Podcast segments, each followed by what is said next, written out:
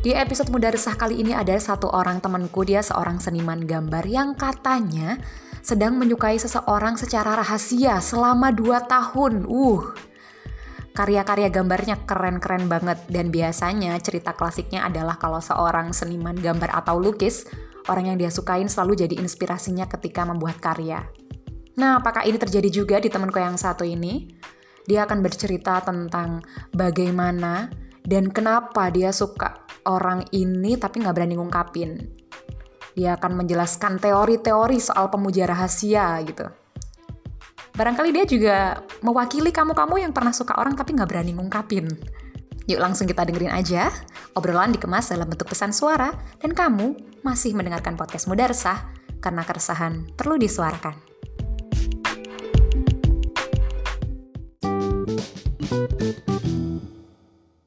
Hai Takim. Gimana gimana?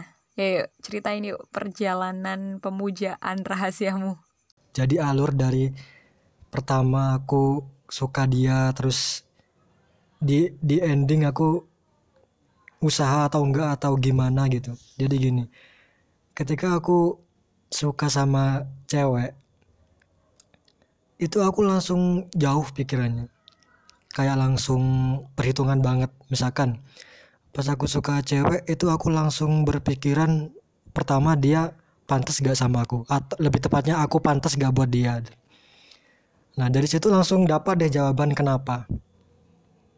Kalau aku gak ngerasa gak pantas ya dari situ alasannya kenapa aku gak gak maju atau aku milih diam-diam suka dia. Soalnya aku udah ngerasa gak pantas duluan gitu.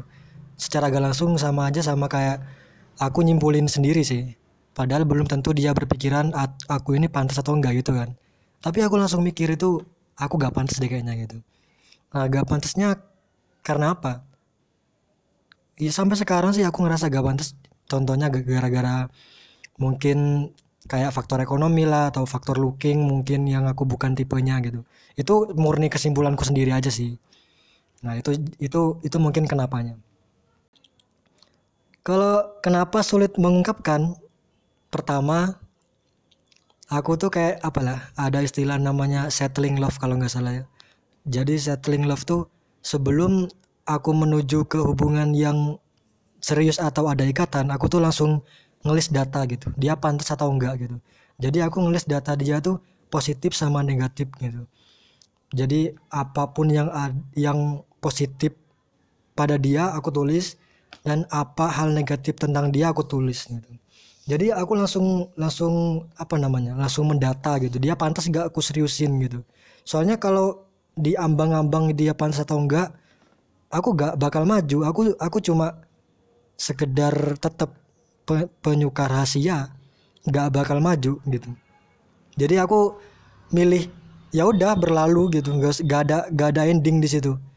Gak ada gak ada jadian ya nggak sakit ya nggak bahagia gitu. Flat aja gitu itu kenapa aku sulit mengungkapkan. Gara-gara bisa dikatakan pemilih mungkin ya.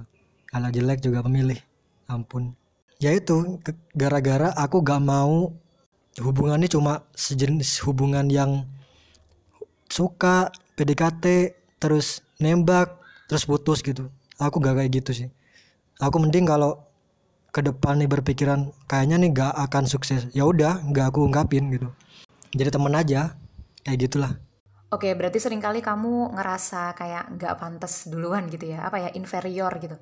Padahal ya belum tentu juga kan, bisa jadi dia mikirnya kamu orang yang keren, punya skill yang bagus, yang nggak banyak orang punya gitu. Nah, e, karena nggak berani ngungkapin, tapi pernah nggak sih kayak ngasih kode-kode gitu atau stalking, itu pernah nggak? Pernah nggak ngasih kode? Ya pernah, jadi misal meskipun aku ngerasa aku gak pantas terus aku gak mau maju aku tuh masih tetap berusaha untuk ngejar gitu biasanya sih. Ya gak ngejar juga sih mungkin lebih ke penasaran gitu kan. Setiap cowok kayaknya gitu sih. Kalau suka sama cewek yang pertama dilakuin tuh gara-gara penasarannya bukan gara-gara apa.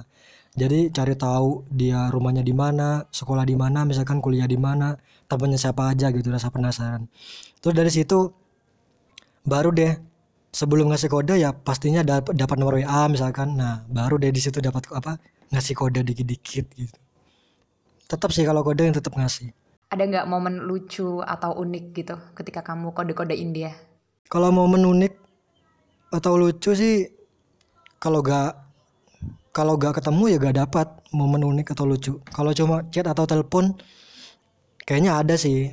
Soalnya aku berpikir aku lumayan jago sih buat buat kayak lucu-lucu di chat atau di telepon gitu. Alah tai. Bapak kenapa pak? Lucu-lucu aja kenapa jadi ada tainya? Oke okay, uh, eh, ini kan kamu seniman gambar nih. Suka gambar karyanya banyak keren-keren. Biasanya biasanya kalau orang yang jago gambar jago lukis itu inspirasinya datang dari orang-orang yang mereka suka. Kamu juga gitu nggak sih? Kamu pernah gambar dia nggak?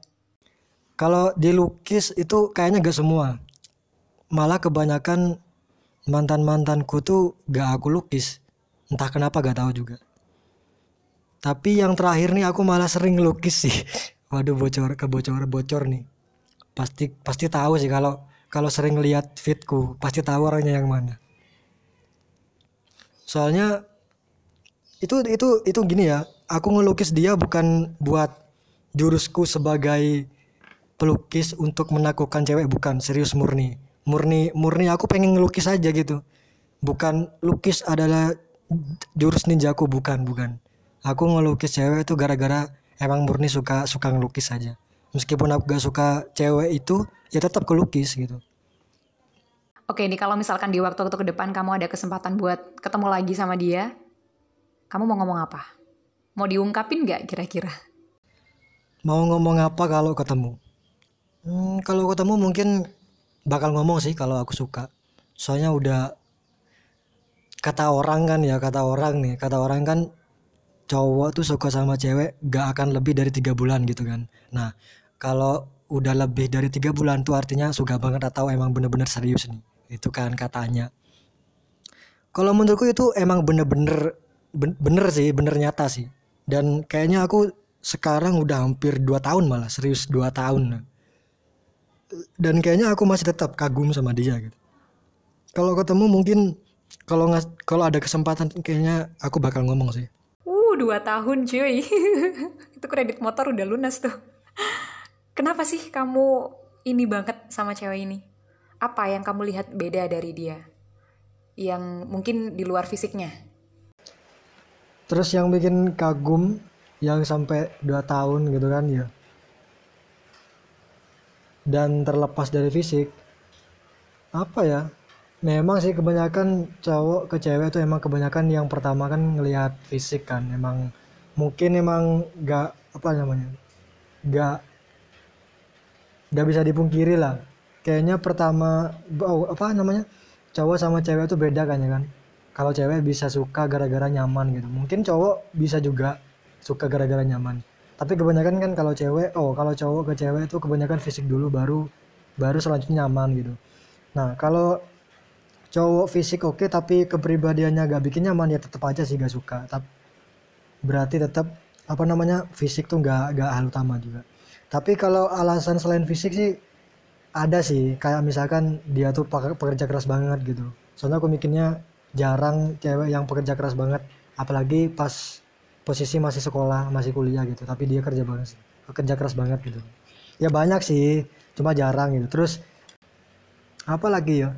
Ya itu sih nyambung terus yang utama nyambung itu penting banget kan nyambung. Sama dia tuh pencerita yang baik sekaligus pendengar yang baik. Itulah pokoknya alasan harus nyambung itu itu juga penting banget buat aku. Itu penting. Good looking tapi kamu nggak klik dan nggak nyaman dan bikin bosen ya buat apa gitu kan. Oke okay, anyway um, uh, makasih untuk semua jawabannya Kim ya.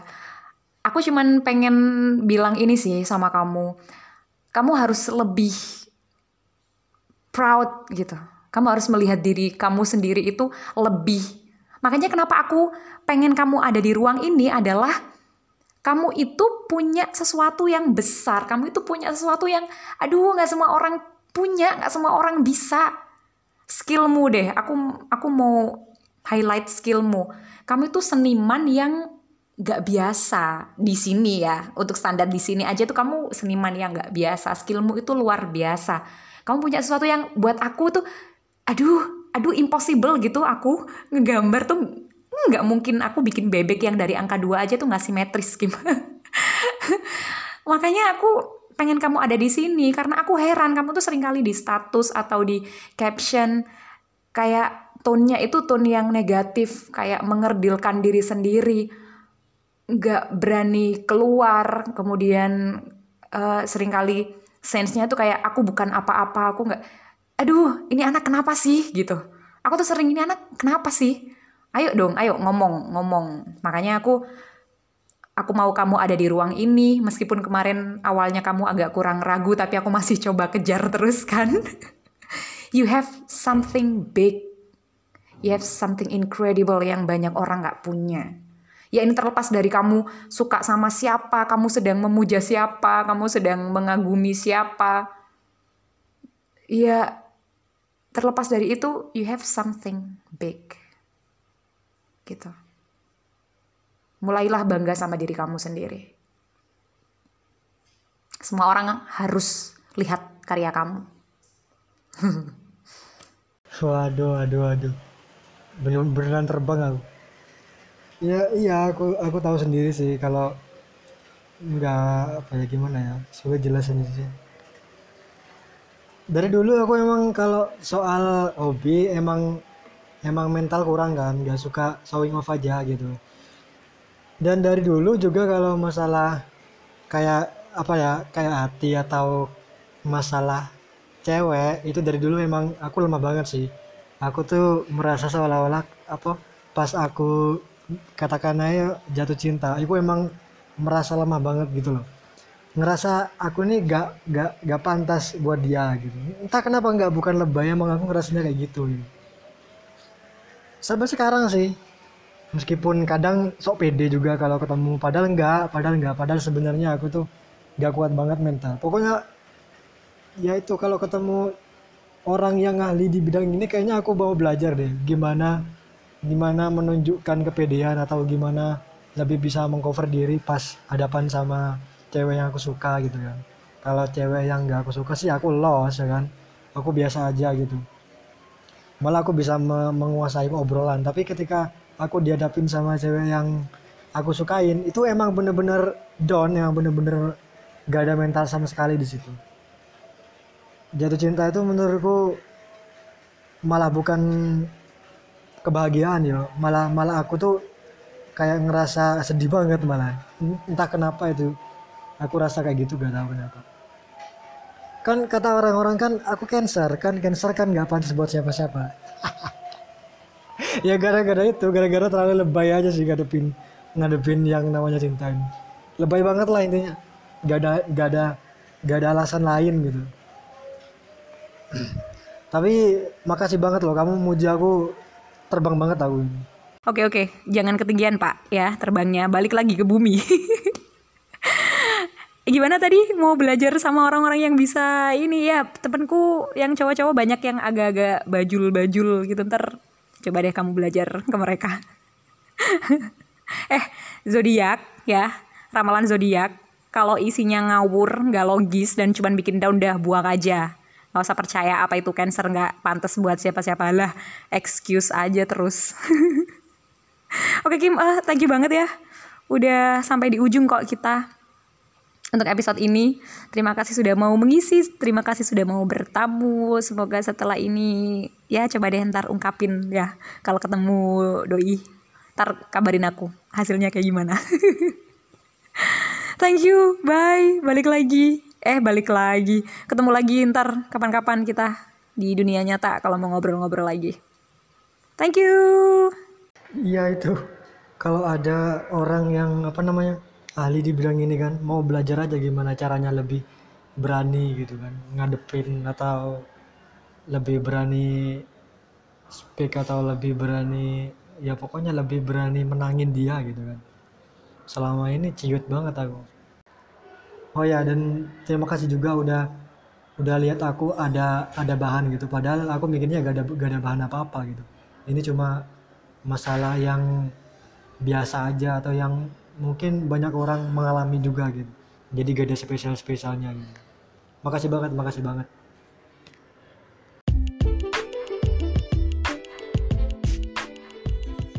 itu dia obrolan aku sama Takim dengan cerita pemujaan rahasianya. Thank you banget ya untuk kamu semua yang udah dengerin sampai akhir. Jadi gimana? Ada yang terwakili nggak sama cerita Takim? Kapan mau ngungkapin?